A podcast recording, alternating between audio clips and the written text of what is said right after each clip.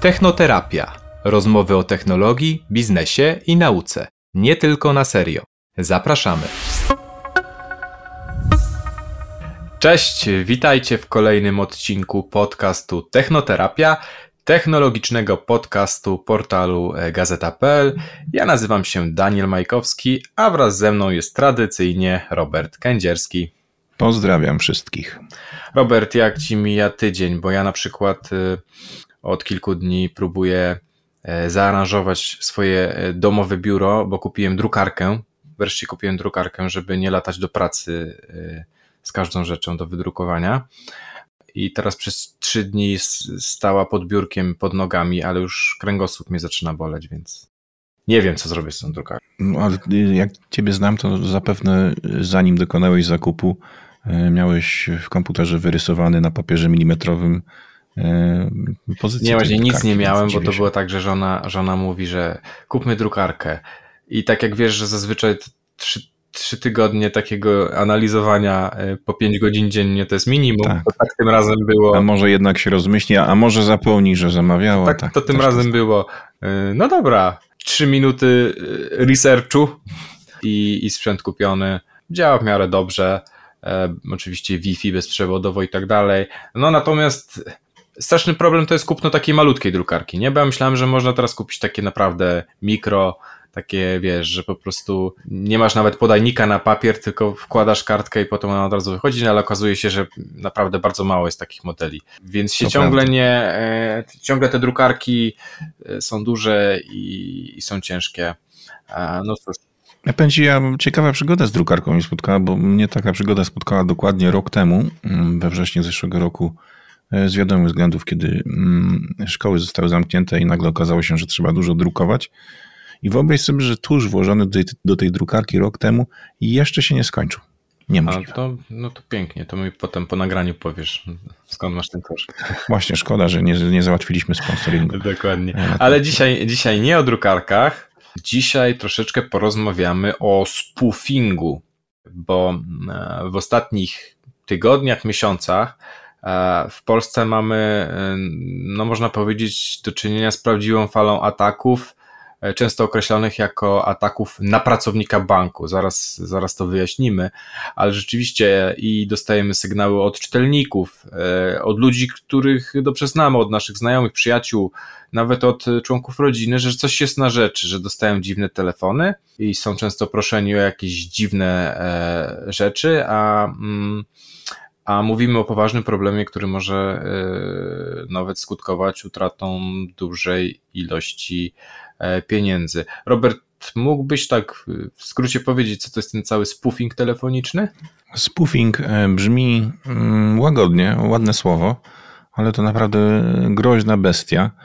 On polega się, polega, polega to na tym, że ktoś podszywa się pod numer telefonu, konkretny numer telefonu, taki, który my mamy na przykład zapisany we własnym smartfonie i wyświetli nam się w momencie, kiedy odbierzemy połączenie, to połączenie na przykład jako bank.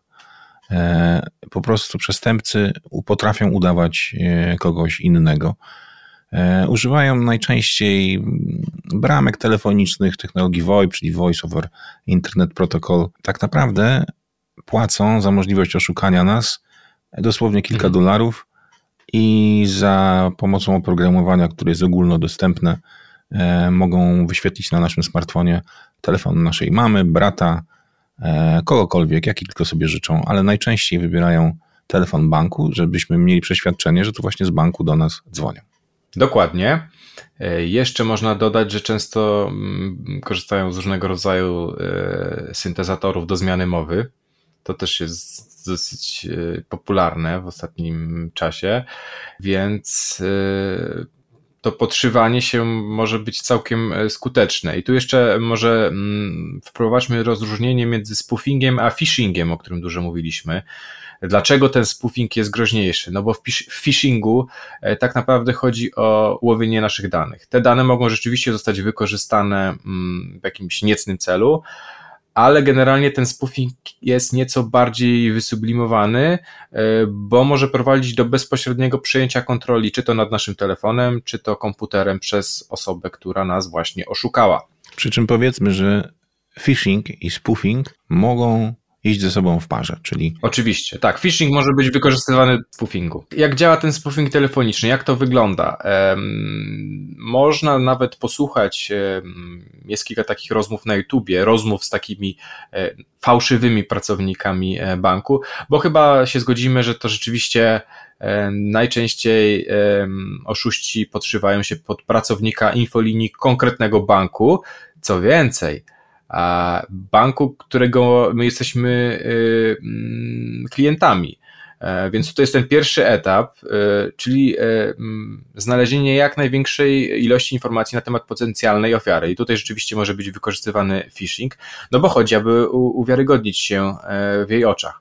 No bo jeśli Robert y, mm, zadzwoni do ciebie z infolinii jakiegoś tam banku, którego nie jesteś klientem, no to trudniej mi cię będzie przekonać, że, że jestem, że tak powiem, że mam ci coś do zaoferowania, albo wręcz chcę ci w czymś pomóc, no bo co ci obchodzi, jeśli jesteś klientem banku A, co ci obchodzi, że dzwonię z banku B. E, no i tutaj z pomocą oszustom przychodzą oczywiście wycieki danych, o których e, sporo też mówiliśmy w naszym podcaście, czy to z Facebooka, czy sklepów e, internetowych. I można wspomnieć choćby mm, o jednym takim sklepie dużym mm, polskim, z którego w 2019 roku wyciekły dane dotyczące 2,5 miliona klientów, w tym adresy e-mail oraz numery telefonu. Więc taki fałszywy pracownik banku, kiedy dzwoni do mnie czy do ciebie, to już może wiedzieć, jak się nazywamy, jaki mamy numer telefonu, jakiego banku jesteśmy klientami, może znać nawet y, mm, trzy ostatnie cyfry naszej karty płatniczej, które też mogły gdzieś tam wyciec w którymś e, z jakichś e, wycieków. No dobra, no i ma te informacje i co się dzieje dalej. No właśnie, ma te informacje. Ja bym tu jeszcze dodał jedną rzecz, że to jest najlepszy dowód na to, żeby jednak swoje dane traktować poważnie, bo często od osób, e, których przestrzegamy przed kradzieżą danych, mówimy, a co ci przestępcy takiego znajdą na tym moim mailu? No właśnie, ja nie mam nic do ukrycia, nie jestem politykiem, tak, nie mam do ukrycia, że nie wiem. A poza tym, ile ja tam mam na tym koncie? E, nie, to właśnie tak działa, że wystarczy włamanie na nasze zwykłe konto, na którym jest zwykła faktura z numerem naszego konta, jakimś potwierdzeniem przelewu za czynsz, za, nie wiem, szkołę angielskiego, i, ta, i te dane już, już można sobie połączyć. Imię, nazwisko, numer konta, czyli sprawdzić, gdzie mamy konto, to już jest moment, numer telefonu i już nas mają. Co więcej, e, e, zanim zapomnę, przepraszam, że się wcinam, ale często na przykład bardzo nieodpowiedzialnie traktujemy mm, papierowe faktury, papierowe listy, które dostajemy na przykład z banku czy z, y, od dostawcy energii, tak, jakieś wyciągi. Wyciąg z konta. Y, często po prostu y, nawet nie, nie korzystamy z niszczarki, nawet tego dobrze nie podrzemy, tylko na przykład wrzucamy takie pakiety, pa, pa, pakiety takich listów do śmieci. Mam na to sposób, to przy okazji mhm. ja się teraz wtrącę. Sposób jest niezawodny. Palisz to w piecu. Nie, nieszkodliwy okay. dla środowiska. E, z dokumentami, na których naprawdę nam zależy. Właśnie tak jak mówisz, rozliczenie z banku należy zrobić tak, jeżeli nie mamy niszczarki. Trzeba je po prostu delikatnie zwilżyć wodą i mocno ścisnąć po godzinie te kartki są sklejone nie do oderwania, a jednocześnie to suche. To będę dawał je mojemu synowi, bo on ostatnio lubi moczyć papiery e, tak. w wodzie, więc tak. będzie mi utylizował. Ja tak robię. No wiem, że może brzmi to dziwnie, ale ja tak robię. Jak tylko mam jakiś dokument w ręku, który wie, że może, no muszę go wyrzucić, e, a wiem, że może w jakiś sposób mi zaszkodzić, po prostu odkręcam klan, delikatnie go moczę, zaginam na pół. Jak to wyschnie, to już się nie da jakby rozdzielić tego bez, bez no, odrywania tych warstw papieru jednej od drugiej, więc sprawdzony sposób. Ale to jest naprawdę problem. E, już teraz odchodząc od może od tego spoofingu na, na sekundkę, ludzie na przykład wywalają, wyrzucają mm, jakieś paczki, które, które dostali z paczkomatów, gdzie są ich numery telefonu, e, często adresy.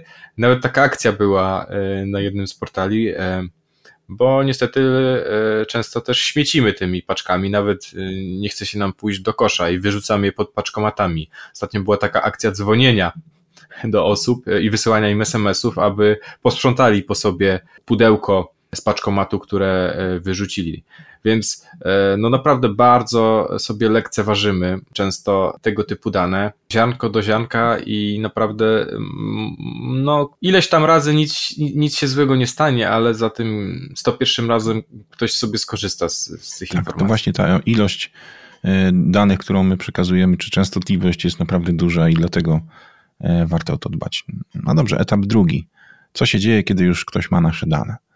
E, oszust dzwoni do ofiary, na jej telefonie się wyświetla prawdziwy numer banku. No to jak już mówiliśmy, dzieje się tak przez ten właśnie mm. spoofing, czyli podszywanie się. Ktoś za pomocą oprogramowania jakiegoś serwisu internetowego albo takiego, takiej aplikacji, którą można sobie na czarnym rynku kupić albo nawet na, na białym rynku kupić, wpisuje numer, który ma się wyświetlać i on nam się mhm. wyświetla. E, I osoba, która e, odbiera to połączenie, w pierwszym odruchu może po prostu pomyśleć, no, że to faktycznie bąk. A nawet jak nie pomyśli, to z tych nagrań, które były publikowane, jest tak, że często ta osoba wręcz mówi: Proszę wejść na, na stronę tego i tamtego banku proszę sobie wejść w kontakt i jeszcze potwierdzić, tak? Bo jakby zidentyfikować mnie, zweryfikować, że rzeczywiście dzwonię z tego numeru. No i rzeczywiście ta osoba wchodzi na, na stronę banku, wchodzi do sekcji kontakt, no i widzi tam 2255, coś tam, coś tam. No zgadza się. Tak, y, tę sprawę wyjaśniał gość programu y, Studio Business emitowanego y, w środę o 12 Polecamy. na stronie gazeta.pl. E, polecamy. Doktor Maciej Kawecki, e, ekspert od cyfryzacji, był ekspert Ministerstwa Cyfryzacji właśnie. On mówi, że jest jeszcze gorzej, ponieważ taki właściciel takiego oprogramowania może zdecydować o tym, jaką mówi płcią, może nawet za pomocą sztucznej inteligencji ten głos e, podkręcić, e, jego cechy zmienić, zmienić takie jakieś odgłosy, które są w tle, będziemy słyszeli ruch albo nie, albo jakieś Na przykład, że znajduje się w jakimś tam rzeczywiście centrum tak, telefonicznym, call center, call center jakieś głosy i... z tyłu, a to będzie wszystko wygenerowane sztucznie i będzie nawet tak podświadomie dawało nam Prawda, jak rozmawiamy z call center, to często się zdarza, że ci biedni ludzie siedzą tak blisko siebie, jak nie wiem, chyba kury mają więcej miejsca w kurnikach. E, tak blisko siebie siedzą, że faktycznie często słyszymy ich rozmowy. A w tym wypadku będzie to działalność oprogramowania. Mhm. E, także to jest krok e, drugi. To też jedną rzecz powiedzmy Jasno. My teraz tu mówimy o tym e, w taki sposób, że e, nasi słuchacze mogą sobie myśleć, no przecież to jest jasne, to jest oczywiste, no wiadomo. Ja w życiu bym się nie, w życiu bym się nie nabrał, no już od razu bym odłożył. Ale trochę inaczej to wygląda, kiedy jesteśmy w pracy, kiedy jesteśmy, nie wiem, na spacerze z dzieckiem albo wkładamy zakupy e, do samochodu, jesteśmy po prostu rozkojarzeni. I też chyba, już przechodząc dalej, mm, istotne jest to jakby mm, w jaki sposób ta osoba się uwiarygadnia i też jakby w jakim w jakim, w jakim celu dzwoni, tak? No bo ta osoba nie dzwoni, żeby nam zaproponować otwarcie nowej linii kredytowej, tylko dzwoni, mówi, że dzwoni e, z działu bezpieczeństwa, i mówi, e, że, że się stało coś poważnego na naszym koncie, więc chce nam pomóc. Nie chce nam zająć, e, zawracać głowy, proponując kolejny produkt, tylko chce nam pomóc, bo coś się wydarzyło. No i rzeczywiście my tam jesteśmy, powiedzmy, na tych zakupach i, i, i, i każdy z nas kupuje w internecie, prawda? Praktycznie już. Każdy z nas korzysta z kart i ta osoba do nas dzwoni i mówi nam, że i pyta nas się e, na przykład, e, czy my jesteśmy właścicielami karty płatniczej i tu podaje numer na przykład tej karty, tak? I czy w ostatnim czasie wykonywaliśmy przelew na jakiś rachu na, na rachunek, więc nam się od razu tak zapala lampka. Mm, czy rzeczywiście e, coś, coś się stało? Czy rzeczywiście był jakiś przelew? Nie pamiętamy tego. Tu też ta, ten, ten, oszust wymienia nazwisko jakiejś osoby, my jej nie kojarzymy. E, no i to rzeczywiście brzmi, e, jakby dzwonił do nas przejęty pracownik banku, że ktoś się nam włamał na konto. Mm, tak, i kiedy tylko poczują krew, czyli poczują naszą niepewność, przejdą do kolejnego etapu tego ataku, czyli pomocy. Z nagrań, I tu już nie ma, i tu już nie ma odwrotu tak, tak naprawdę. Tak, z nagrań, które trafiają do sieci, E, wynika, że tak mimochodem, tak w zasadzie, no dobrze, to my tu będziemy działać, ale gdyby pan chciał, to może zabezpieczmy pańskie pieniądze. Proszę, proszę, w tej chwili mogę panu pomóc. E, I ten przestępca przekonuje nas, że do tego jest nie, nie, niezbędna specjalna aplikacja. Oczywiście po raz kolejny ci bardziej świadomi słuchacze powiedzą, jaka aplikacja? No przecież wiadomo, że to nie, tak nie działa.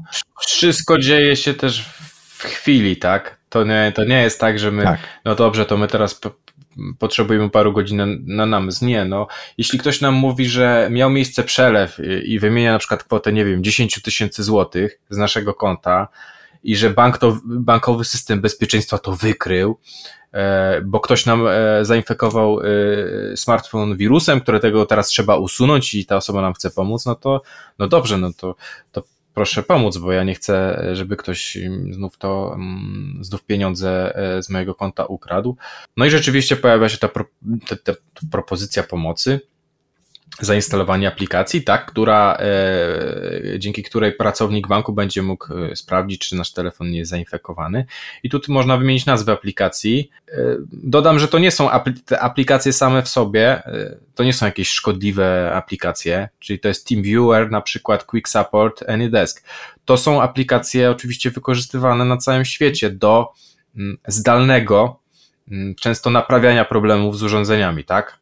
Czyli e, to nie są jakieś aplikacje, to nie są wirusy, tak? To są legalne narzędzia. No, to są zwykłe narzędzia. Generalnie e, powiedzmy, e, jeśli pracujemy w jakiejś firmie, to na przykład za pomocą TeamViewera pracownik naszej firmy z działu IT może nam naprawić problem w naszym komputerze, tak, w sposób zdalny. I, i, i jakby nie ma w tym nic dziwnego. Więc też dlatego to jest skuteczne, no bo ta osoba nie mówi nam, proszę zainstalować aplikację i tu pada nazwa jakiejś dziwnej chińskiej aplikacji, która w ogóle ma jedną gwiazdkę na, mm, w Google Playu, tylko wymienia takie aplikacje, które rzeczywiście służą do, często do, że tak powiem, zdalnej, e, zdalnej naprawy e, danego urządzenia.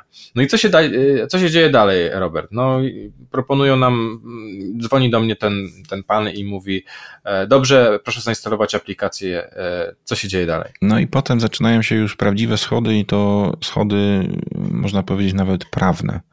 Dlatego, że w momencie, kiedy już ten ostatni krok, przed którym właśnie teraz stoimy, zrobimy, to można powiedzieć, leżymy na całej linii, bo ostatnim krokiem po, po instalowaniu, zainstalowaniu tej aplikacji jest podanie takiego kodu, który umożliwia po prostu dostęp do e, naszego urządzenia. No, jeżeli nasza mama ma problem z komputerem albo nasz brat i proszę o nas o pomoc, to też możemy się połączyć, no ale oni muszą nam podać kod taki autoryzacyjny, żebyśmy mieli pewność, oni mieli pewność, że to faktycznie no, ten, ta osoba, którą proszą o pomoc, no tak, to, to, to, to, tak, ten, kod, ten kod właśnie do TeamViewera, Quick Support Desk. Zawsze, żeby się ktoś mógł zdalnie podłączyć do tego telefonu, y, czy, czy to nawet jest rzeczywisty pracownik jakiegoś działu bezpieczeństwa w naszej na przykład firmie, no to musimy mu podać ten kod, tak? I wtedy on dopiero będzie mógł prowadzić tak. zmiany. A tu jest problem taki, że oczywiście to nie są pracownicy banku, tylko oszuści. I w momencie, w którym my podamy ten kod, oni się e, zalogują e, e, przez, przez tą daną aplikację do naszego urządzenia, to nie dość, że, że będą mogli zalogować się do naszej aplikacji bankowości elektronicznej i wykonać przelew, to będą mogli co jest ważne, ten przelew autoryzować, bo oczywiście banki mają to dwu, dwuskładnikowe um, zabezpieczenie, którego, które polega na tym, że nawet jeśli ktoś na jakimś swoim komputerze zaloguje się e, na nasze e, elektroniczne konto bankowe, nawet jeśli ma te dane i e, to w momencie, kiedy będzie chciał wykonać przelew, no to musi wpisać kod SMS wysłany na telefon właściciela tego konta ale w momencie, kiedy przez tą aplikację oni są do tego telefonu podłączeni, no to ten SMS przychodzi też do nich. Nie ma tutaj już y, jakby żadnego sposobu na, mm, żadnej blokady dla nich, jest, jest pełna kontrola. E, dokładnie tak jest i e, tutaj mówiłem, że zaczynają się sody prawne, ponieważ e, no banki stoją na stanowisku, że w tym momencie my po prostu udostępniliśmy trzecim osobom dane do naszego konta. Więc yy, nie wchodzi w grę żadna reklamacja, yy, ale jeżeli wchodzi w grę, to być może po długim procesie prawnym. Tak, właśnie być może być może czekają nas takie procesy, nie? bo zaraz też powiemy, tak. że to my nie mówimy, nie mówimy o jakichś sytuacjach hipotetycznych, tylko o rzeczach, które się wydarzyły. Tak, i, co jeszcze jest y, straszne w tej, tego typu ataku, bo ktoś może powiedzieć, no dobrze, ja mam na koncie wiecznie 100 zł, prawda, co oni mi zabiorą? No niestety zabiorą znacznie więcej, dlatego że skoro mają dostęp do y, SMS-ów i bankowości elektronicznej. To szybką pożyczkę na przykład. Tak, mogą natychmiast wziąć pożyczkę i w firmie zewnętrznej, pożyczkowej, gdzie czasami zajmuje to dosłownie parę minut, ale i też w naszym banku, bo... No tak, jesteś, jeśli jesteśmy zalogowani do tego, do tego systemu, to możemy tak naprawdę w ciągu kilku minut jeśli bank zna, bank zna naszą sytuację też kredytową i tak dalej, więc może tą decyzję kredytową podjąć dosłownie automatycznie. Ja kiedyś to mm, tak dla, dla, dla sprawdzenia przeprowadziłem w swoim banku i decyzja pozytywna to było dosłownie, no nie wiem, no dwie minuty, bo to był mhm. mały kredyt. Bank mnie zna, ja od lat mam przelewy ze znanego źródła e, i po prostu 5 tysięcy złotych cyk, cyk, cyk, proszę bardzo. E, to jeszcze gorzej, jeżeli ktoś ma kartę kredytową, bo e, ktoś sobie ściągnie cały limit z niej, wystarczy wydać propozycję, dyspozycję przelewu z konta karty na konto zwykłe.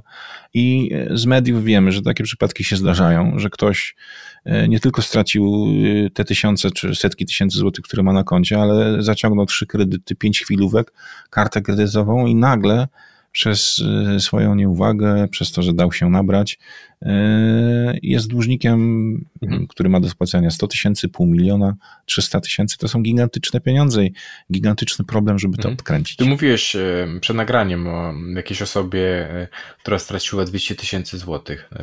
Możesz Możesz o tym powiedzieć? tak, więcej? w okolicy, w moich okolicach e, przez przedsiębiorca, on e, dostał właśnie taki telefon, ale wcześniej, wcześniej trafił na reklamę, jakąś taką podejrzaną reklamę inwestycyjną, wypełnił jakąś ankietę, że tak, jest zainteresowany inwestycją i zadzwonili właśnie do niego z jego banku, że on jest zainteresowany tymi e, inwestycjami, więc mogą od razu przystąpić do realizacji tego. I na oczach tego mężczyzny, który pytał, dlaczego, prawda, ja chciałem zainwestować 10 tysięcy złotych, a dlaczego państwo jakby pobrali z mojego konta 100 tysięcy, usłyszał, y, proszę pana, no to jest y, przepis Unii Europejskiej, my musimy zweryfikować pochodzenie tych środków, dlatego zajęliśmy je, ale no to tylko na mniej więcej 12 godzin. Jeszcze dzisiaj pan te pieniądze no. odzyska. I on w to uwierzył, stracił oczywiście wszystko, co miał na koncie, plus jeszcze e, kilka kredytów ale mechanizm był właśnie taki. Mhm. Był przekonany, że dzwonią do niego z jego banku w sprawie inwestycji, którą. No tak, bo też powiedzmy, że ten, ten, ten schemat, który my przedstawiliśmy, czyli telefon, podszycie się i tutaj. Um, stworzenie takiej sytuacji, że niby ktoś się nam włamał, a, a ta osoba nam chce pomóc, to jest tylko jeden ze scenariuszów, tak? Tych scenariuszów jest wiele.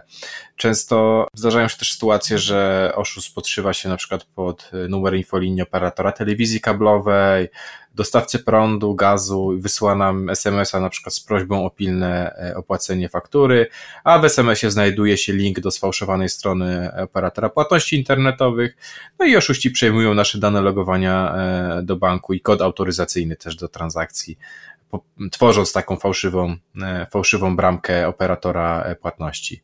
Albo może się podszyć pod kogoś nam bliskiego, o czym też mówiłeś, nie? Nie wiem, podszywa się pod, e, pod członka rodziny i wysyła jakiegoś SMS-a z, z numeru telefonu, który my znamy, mamy zapisany w telefonie przecież jako mama, tata, brat, siostra i tak dalej. Prośbę o jakieś pilne przelanie pieniędzy. Takie przypadki też się zdarzały. Można też wspomnieć, że w przypadku y, starszych osób działa tutaj ta słynna metoda na wnuczka, tak? Czyli taka osoba e, odbiera telefon, widzi, że wyświetla się telefon e, właśnie wnuczka, wnuczki i tak dalej. No i tutaj wystarczy troszeczkę jakoś tam, nie wiem, mm, bardziej zachrypniętym głosem o coś tam poprosić, też można e, w ten sposób e, stracić e, pieniądze. Znaczy, najważniejszy przekaz jest taki, że mm, są, są dwie takie kategorie działań oszustów. Pierwsza to jest działanie masowe i na ślepo. Oczywiście oni muszą wiedzieć o tym, jaki mamy numer konta i tak dalej, ale to tak naprawdę z tych danych, które wyciekają z maili, łatwo zdobyć. Więc to jest pierwszy typ działania przestępców, taki mniej sprecyzowany, a drugi to jest taki typ ataku, kiedy my jesteśmy brani na celownik. E, i prześwietlani przed atakiem. Także musimy się liczyć z tym, że to będzie e, mniej profesjonalne i mniej e, jakby wymagające zasobów od mhm. przestępców i po prostu możemy się nabrać na jeden z dziesiątek scenariuszów w którą oni mhm. sobie wymyślą, prawda? Nagła płatność z konta, niedopłata do e, paczki, e, konieczność opłacenia cła, dezynfekcji w dobie koronawirusa też były takie próby, albo po prostu ktoś wie, że mamy trochę pieniędzy na koncie i przygotuje się trochę bardziej E, żeby nas zaatakować. Ja sam e, prawie padłem ofiarą. E, uważam się za osobę, która troszeczkę na temat cyberbezpieczeństwa wie, nie jakoś strasznie dużo, ale wydawało mi się, że jestem świadomym, tak powiem, użytkownikiem internetu i tak dalej. Ale kiedy była sytuacja, że czekałem na paczkę zagraniczną, i w tym momencie e, poszła jakaś fala wiadomości e, rzekomo od e, jednego z dostawców przesyłek, że, że muszę e, dokonać dopłaty jakąś do cła, no to przez chwilę pomyślałem, że rzeczywiście może chodzi o tą paczkę, tak? Że ja czekam na tą paczkę, a ona gdzieś tam na, na lotnisku utknęła, czy gdzieś tam, bo nie, nie dopłaciłem tego cła. Dopiero potem tak spojrzałem na link, coś mi tam nie pasowało w tym linku i już potem wiedziałem, tak? Także e, gubi też nas często taka pycha i taka, takie myślenie, że nie, no, mnie by nie nabrali a potem się okazuje, że naprawdę e, ofiarą może paść praktycznie każdy. Tak, i pamiętajmy też, że niektóre rzeczy robimy po prostu przez pomyłkę. Coś źle klikniemy, nie ten link e, przy zamówieniu. Przyjdzie jakieś potwierdzenie z, z wiadomością o, o paczce, a, a my myślimy, że chodzi o inną paczkę. E, zdarza się po prostu w tym zalewie informacji, które na, do nas trafiają, że jesteśmy zajęci, robimy coś na szybko, nawet do końca nie wiemy co. E, klikamy jakieś potwierdzenie, myślimy, że na przykład potwierdzamy zamówienie w sklepie internetowym, a to już może być ten phishing, to już może być ten wstęp do ataku na nas. Także czasami my naprawdę nie będziemy nawet wiedzieć, kiedy zostaliśmy zaatakowani, jak to się stało, co było źródłem tego pierwotnego wycieku. E, a jednak e, przestępcy będą mieli dane i będą mieli możliwość atakowania nas. Także pamiętajmy o tym, że e, życie, w, e, szybkie życie w dobie mm, wiecznego klikania w linki, e, przestępcy wiedzą, jak to wykorzystać i liczą po prostu na to, że niektóre rzeczy zrobimy przypadkiem. Mm, dobra, to zanim przejdziemy do retrotechu, to jeszcze tak na szybko mm, z cyklu Co robić, jak żyć. Zawsze traktujmy telefony, czy to z infolinii banku, czy to z, e, od operatora telewizji kablowej, dostawcy energii i tak dalej. Zawsze je traktujmy z pewną nutką podejrzliwości, tak? Nie ma w tym nic złego. Zawsze upewnijmy się dwa razy. Możemy też prosić pracownika o takie pełniejsze zweryfikowanie się, jeśli, jeśli nie mamy pewności, albo wręcz możemy po prostu powiedzieć, że my oddzwonimy na infolinię, tak? I wtedy jeżeli rzeczywiście oddzwonimy na numer infolinii, e, no to to jest ten numer infolinii, tak? Nie oddzwonimy do, do oszusta, więc to też jest jakiś, jakiś e, sposób. E, choć mam, mam nadzieję, że nie dojdzie do tego, że i w ten sposób będą w stanie oszukiwać nas oszuści, że wybieramy numer telefonu banku, a, a, a przełącza nas gdzieś indziej. No właśnie, no to, to już mówimy naprawdę o scenariuszu takim mega, i też kosztownym. No teoretycznie tak. jest to możliwe. No, musieliby e, postawić pod naszym domem urządzenie, e, które symulowałoby tak, science fiction.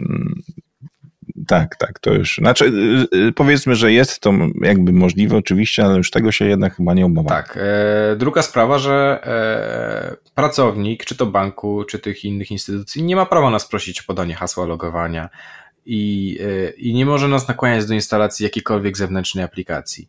Nie może nas nawet nakłaniać do instalowania aplikacji tego danego banku. To, to w ogóle nie wchodzi w zakres e, jego obowiązków e, i tak dalej. Mi się zdarzyło, że, re, że realnie mi się to zdarzyło, że prawdziwy pracownik infolinii jednego z telekomów poprosił mnie o hasło. Więc niestety jakby nie mogą, ale y, wydaje mi się, że nie wiem, czy ta osoba po prostu nie zdawała sobie sprawy, czy co, ale byłem po prostu, ja byłem zszokowany, nie? Bo prośba o hasło, powiedziałem absolutnie nie mogę podać hasła, tak? Więc nawet jeśli to będzie prawdziwy pracownik, to już jest jakby jego problem, że prosi o coś, o co nie ma prawa i w takiej sytuacji wręcz możemy złożyć skargę. E, złożyć reklamację, że ktoś nas tutaj e, poprosił o podanie hasła. Hasło to jest nasza sprawa i, i nikt e, nie, nie może od nas jego wymagać. Co jeszcze? No, to, to, co mówiłeś na początku. Dbamy o internetową tożsamość, higienę, nie tylko internetową, dbajmy też o te dokumenty, które gdzieś trzymamy fizycznie. O hasła, o, o hasłach to już mieliśmy kiedyś cały odcinek, tak? Więc można do tego wrócić. No dobra, coś jeszcze chcesz e, dodać, Robert, do tej listy? E, wydaje mi się, że powiedzieliśmy już wszystko, ale e, jeszcze raz podkreślmy, nie znasz dnia ani godziny. Mnie też wielokrotnie się jednak dało, udało mi się nabrać na. W ostatniej chwili oczywiście się ratowałem, ale nie, niejednokrotnie zdarzało mi się, że myślałem, że rozmawiam z kimś innym, czy klikam w coś innego, a to się później okazywało, że jednak prawie dałem się nabrać na pozbawienie oszczędności. Mm, no dobrze, pora na RetroTech. Dzisiaj temat, który gdzieś tam się przewijał w poprzednich odcinkach, ale dziś już na, na całego ym, go poruszymy, czyli powiemy o złotej erze piractwa e, w Polsce, piractwa komputerowego, no bo jeśli chodzi o to prawdziwe piractwo, to chyba Polska nie ma jakiejś tradycji, bo też nie mieliśmy chyba kolonii. Kiedyś chyba coś była szansa na Madagaskar, tak? I coś mi się tam mm, kojarzy, e, no ale nie byli... A moglibyśmy mieć, moglibyśmy tylko moglibyśmy. Mieć, moglibyśmy mieć, tak, gdy, byli, gdy byliśmy od morza do morza, to na pewno.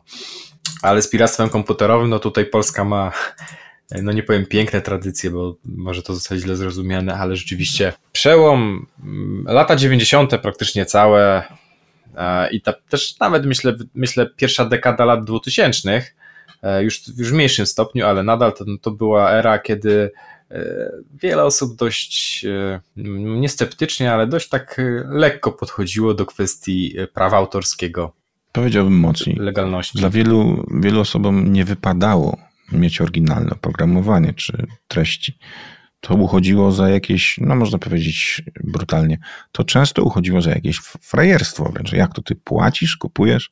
Taka była kiedyś postawa w narodzie. Tak, więc y, zacznijmy od, może od początku, czyli y, od, znaczy od początku.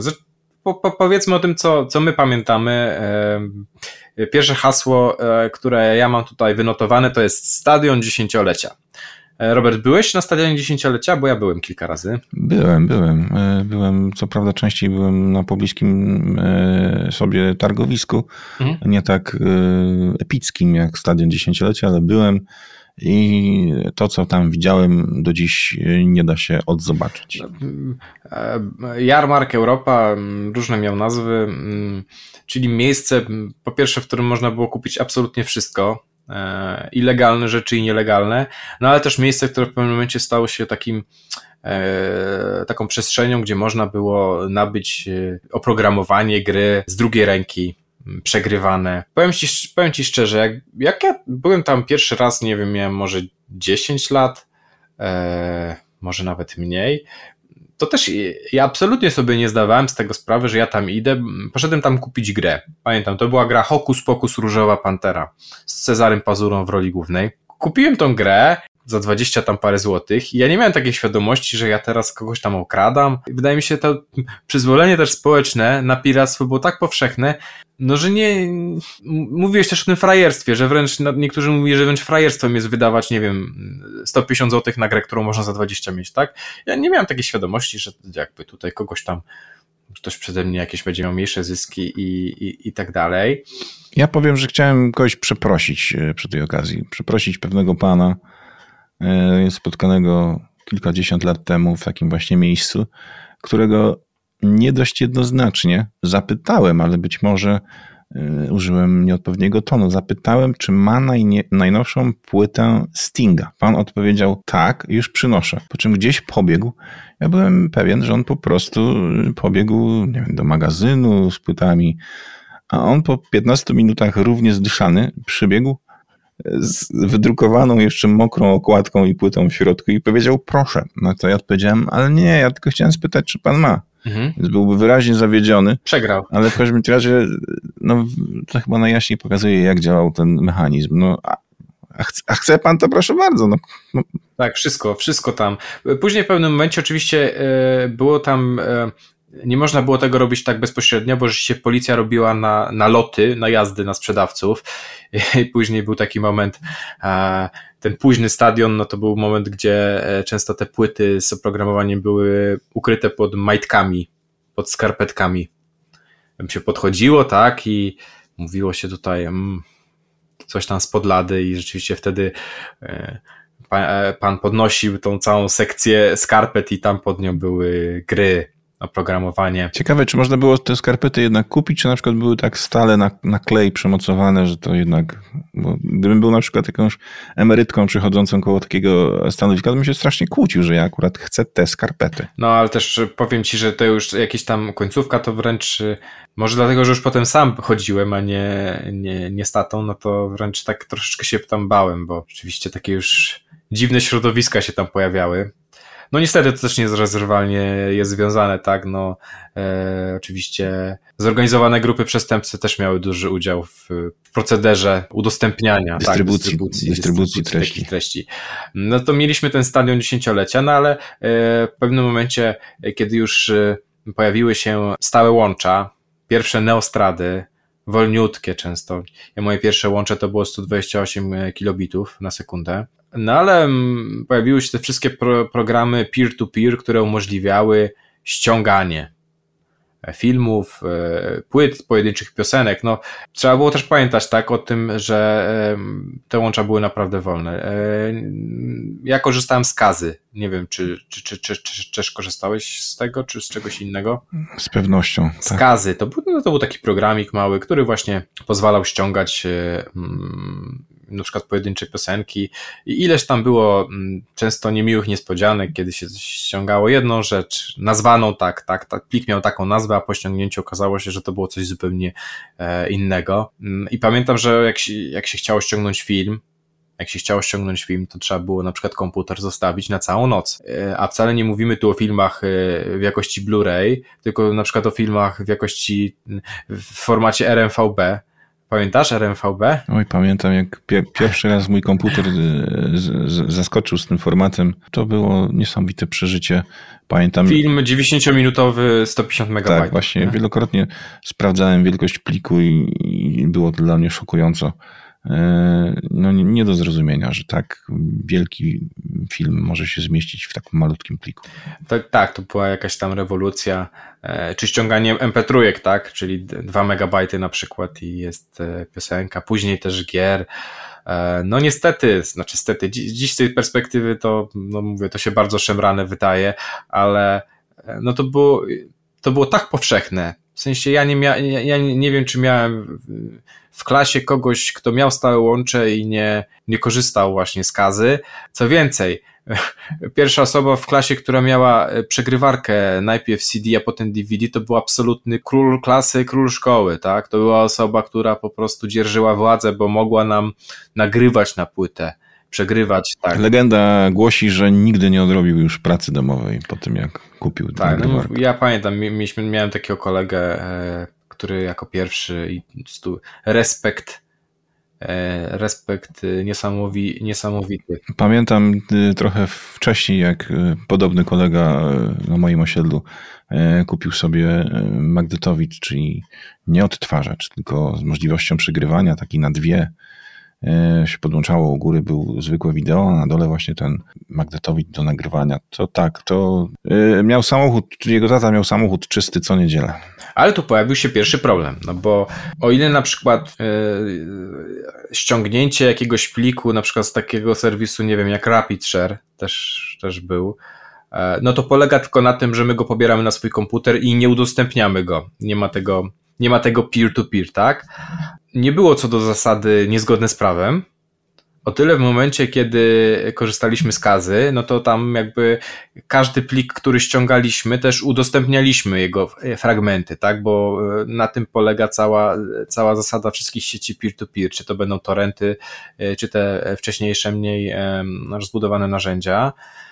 No i tutaj się pojawia problem prawny, tak? No bo tutaj już tak naprawdę, chcąc nie chcąc, łamaliśmy to prawo, bo E, ściągaliśmy, ale jednocześnie udostępnialiśmy, rozpowszechnialiśmy dany utwór, co stoi w sprzeczności z prawem.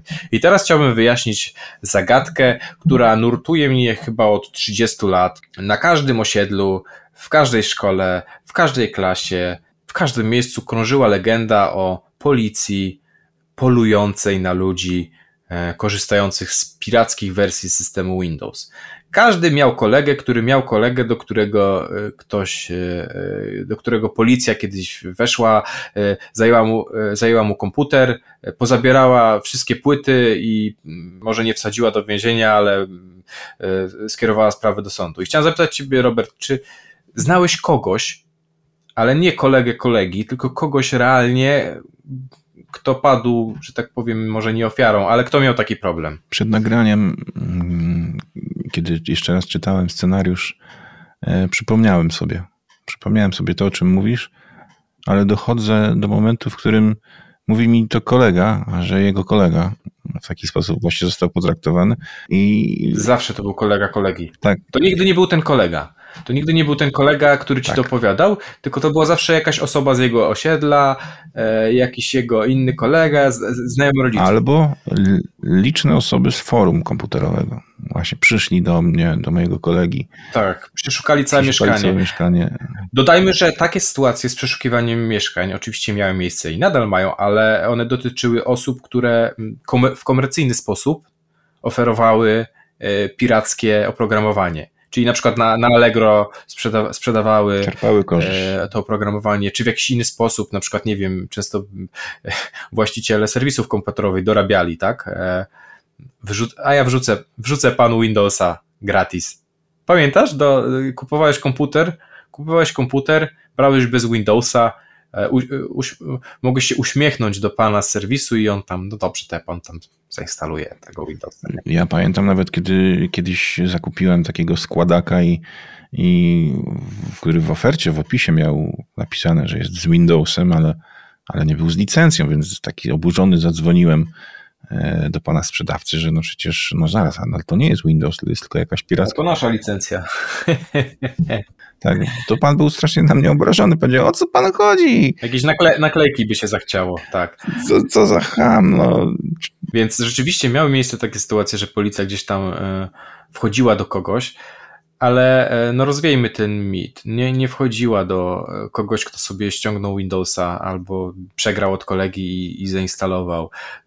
Wręcz Microsoft wręcz otwarcie o tym mówił, że to, co ich interesuje, to przede wszystkim mm, piractwo, tak nazwijmy to korporacyjne, tak? Czyli sieci firmowe. Jeśli były, były takie sytuacje, że rzeczywiście jakieś tam firmy sobie chciały przeoszczędzić i e, wszyscy pracownicy korzystali na służbowych komputerach z pirackiego Windowsa, no to tam były kontrole.